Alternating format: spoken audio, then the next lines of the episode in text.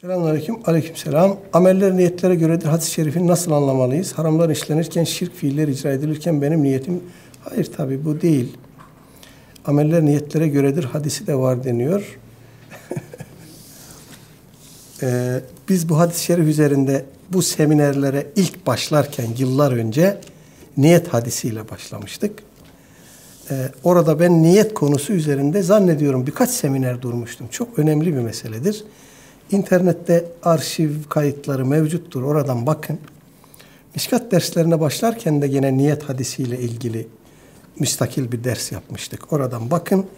Niyet gayrimeşru bir şeyi meşru kılmaz.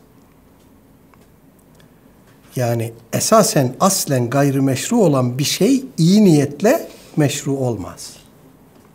Niyetin önemi nedir? Ameller niyetlere göredir derken Efendimiz ne kastetmiş? Bir işi ne niyetle yapıyorsanız ona göre ya sevap alırsınız ya da hiçbir şey almazsınız. Bu demek. Hadisin devamı var çünkü. Ameller niyetlere göredir. Ee, Aleyhisselatü Vesselam Efendimiz hadisin devamında buyuruyor ki kim Allah ve Resulü için hicret ederse onun hicreti Allah'a ve Resulüne yapılmıştır.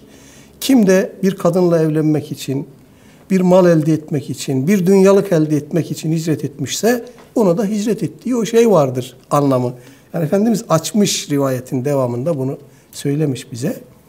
Dolayısıyla e, bir şeyi, meşru bir işi Allah rızası için yaptığınızda ibadet oluyor.